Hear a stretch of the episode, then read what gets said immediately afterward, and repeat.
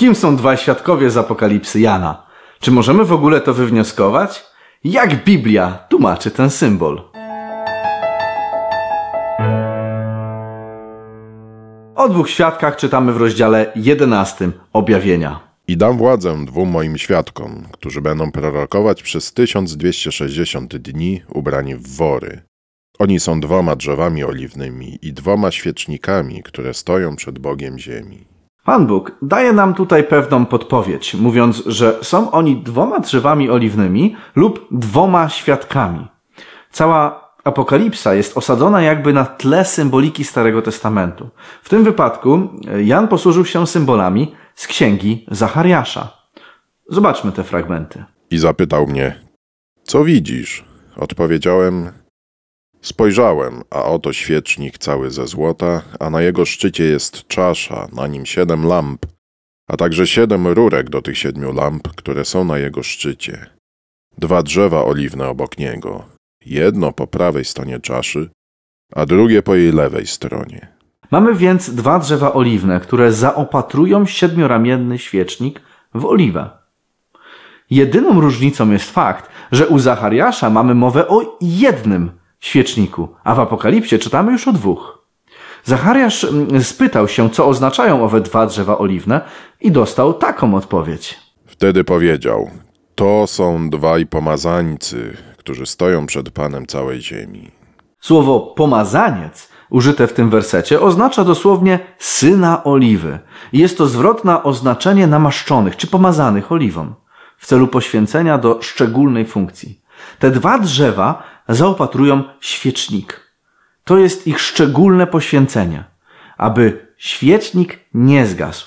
W tym fragmencie Starego Testamentu Zachariasz pyta się również o to, czym jest ten świecznik. Wtedy odezwałem się do anioła, który rozmawiał ze mną i zapytałem, co to jest, mój panie? Anioł, który rozmawiał ze mną, odpowiedział mi, czy nie wiesz, co to jest? Odpowiedziałem, nie wiem, mój panie. Wtedy odpowiedział mi, oto słowo pana do Zorobabela, nie wojskiem ani siłą, ale moim duchem, mówi pan zastępów. Ten świecznik zatem, zgodnie z tym, co y, odpowiedział mu anioł, oznacza Słowo Boże. Taka definicja zresztą zgodna jest z innymi wersetami pisma. Na przykład. Twoje słowo jest pochodnią dla moich nóg i światłością na mojej ścieżce. Świecznik również daje światło. Słowo Boże rozjaśni wszystkie mroki, w jakich możesz się znajdować. Gdy ktoś zaczyna czytać Biblię, może nie od razu widzieć, jak wielkie duchowe światło ona daje, ale z czasem, gdy się coraz bardziej do niej zbliżamy, robi się coraz jaśniej. Wiele spraw, które dzieją się na świecie, staje się coraz bardziej oczywiste. Wiele naszych uczynków również jest ujawnianych. I wtedy musimy je poddać Panu. Słowo Boże daje światło po to, abyśmy się nie potknęli. Dlatego tak ważne jest, abyśmy każdego dnia poświęcili sporą ilość czasu na jego studiowanie. Bez Słowa Bożego ciemność Ciebie całkowicie ogarnia i nawet nie będziesz wiedział, dlaczego wróciłeś do starych grzechów. Studium Biblii jest tutaj kluczowe. Zacznij ponownie czytać tę księgę, a w niedługim czasie wiele Twoich zmagań duchowych zostanie rozwiązanych. Cała ta scena z księgi Zachariasza pokazuje, że nie mamy polegać na ludzkiej mocy czy potędze. Duch Boży jest tym, który zaopatruje sługi Boże do zwiastowania potęgi i mocy Jezusa. Rzeczy Boże dzieją się nie dzięki sile i nie dzięki mocy, ale dzięki Jego duchowi, pełnemu miłości, łaski i sądu. Dlatego czytamy: Chociaż bowiem w ciele żyjemy, nie walczymy według ciała gdyż oręż naszej walki nie jest cielesny, ale z Boga i ma moc burzenia twierdz warownych. To się wszystko dzieje dzięki działaniu Ducha Świętego przez Słowo Boże. W czasach Zachariasza istniał jeden świecznik. Jan natomiast widzi już dwa świeczniki, czyli dwóch pomazańców głoszących, że nie dzięki mocy, nie dzięki sile, ale dzięki Duchowi, Duchowi Świętemu zwyciężymy. Te dwa świeczniki są zaopatrywane z dwóch drzew oliwnych.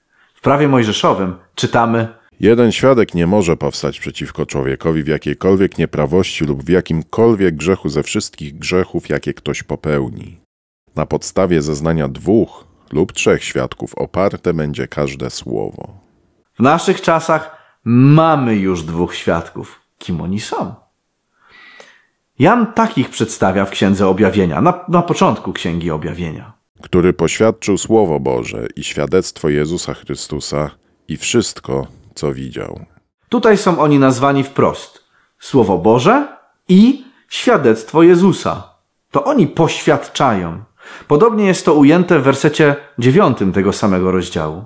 Ja, Jan, który też jestem waszym bratem i współuczestnikiem w ucisku i królestwie oraz w cierpliwości Jezusa Chrystusa, byłem na wyspie zwanej Patmos z powodu Słowa Bożego i świadectwa Jezusa Chrystusa. Dwaj świadkowie w żadnym razie nie są ze sobą sprzeczni, a jeden świadek uzupełnia drugiego. Słowo Boże w czasach Jana to Stary Testament, a świadectwo Jezusa w tych fragmentach wskazuje na Nowy Testament, czyli razem oznaczają po prostu Biblię. Ci dwaj świadkowie w pewnym momencie dziejów historii e, zostają zabici. A ich zwłoki będą leżeć na ulicy wielkiego miasta, które duchowo nazywa się Sodomą i Egiptem, gdzie też nasz Pan został ukrzyżowany. I wielu spośród ludów, plemion, języków i narodów będzie patrzeć na ich zwłoki przez trzy i pół dnia i nie pozwolą złożyć ich zwłok do grobu. Tutaj grecki tekst, tłumaczony jako zwłoki, to słowo, jest w liczbie pojedynczej. Tak jakby ich ciało było jedno. Ci dwaj świadkowie są ze sobą w tak ścisłej łączności. Dodatkowo, wszystko to, co tyczy się jednego świadka, czy tyczy się również drugiego. Czytamy o tym, że oni są prorokami prorokującymi przez 1260 dni. Są oboje ubrani w wory pokutne, co oznacza ciemność, niewiedzę, żałobę, smutek, hańbę, skruchę. W tym wypadku wory mogą również mieć nieco inne znaczenie. Otóż, jako że ci świadkowie są świecznikami dającymi światło, więc nałożenie na nich worów oznacza zakrycie tego światła.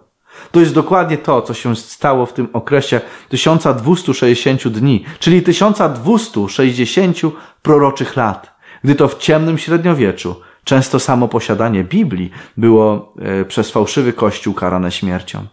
Więcej na temat tego okresu mówię w serii Bluźnierczy Róg. Link umieszczę w opisie.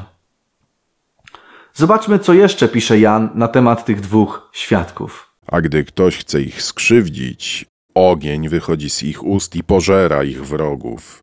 Jeśli więc ktoś chciałby ich skrzywdzić, w ten sposób musi być zabity. Może być to nawiązanie do proroka Eliasza, jednak bardzo pasuje też ten fragment e, do tego opisu. Dlatego tak mówi Pan, Bóg zastępów. Ponieważ tak mówiliście, oto uczynię moje słowa w Twoich ustach ogniem, a ten lud drewnem i pożrę ich. Znowu warto zauważyć, że Słowo Boże w okresach, gdy jest zwalczane, staje się ogniem, który pożera. Ogniem z nieba. Dalej czytamy tak o tych dwóch świadkach. Oni mają władzę zamknąć niebo, aby nie padał deszcz za dni ich prorokowania. I mają władzę nad wodami, aby je zamieniać w krew i porazić ziemię wszelkimi plagami, ilekroć zechcą. Jest to jakby opisowy skrót tego, czym jest moc Słowa Bożego. Ci świadkowie, podobnie jak Eliasz, mają moc zamknięcia nieba, aby nie padał deszcz. Jak Mojżesz, mogą zamienić wody w krew, czy zesłać różne plagi. To właśnie Słowo Boże, działające przez Eliasza i Mojżesza, dawało im taką moc i dlatego możesz być pewien, że Biblia ma też moc poradzić sobie z Twoimi problemami. Jak wielkie by one nie były. Tylko trzymaj się jej świadectwa. Szanuj ją bardzo, ponieważ Każde słowo Boga jest czyste. On jest tarczą dla tych, którzy mu ufają. Ty, Panie, zachowasz ich. Będziesz ich strzegł od tego pokolenia aż na wieki. Dlatego nigdy nie powinniśmy lekceważąco traktować drukowanego słowa. Nie wolno nam cytować wersetów pisma w sposób żartobliwy, lekceważący lub po prostu, aby ułożyć jakiś dowcip. To słowo da ci życie, jeśli je uczcisz. Będzie ono również twoim sędzią, gdy je zlekceważysz. Za tydzień powiemy sobie o tym, jak ci dwaj świadkowie zostali zabici oraz co symbolizuje to miasto, na ulicach którego leżało ciało tych świadków. Także subskrybuj i daj łapkę w górę.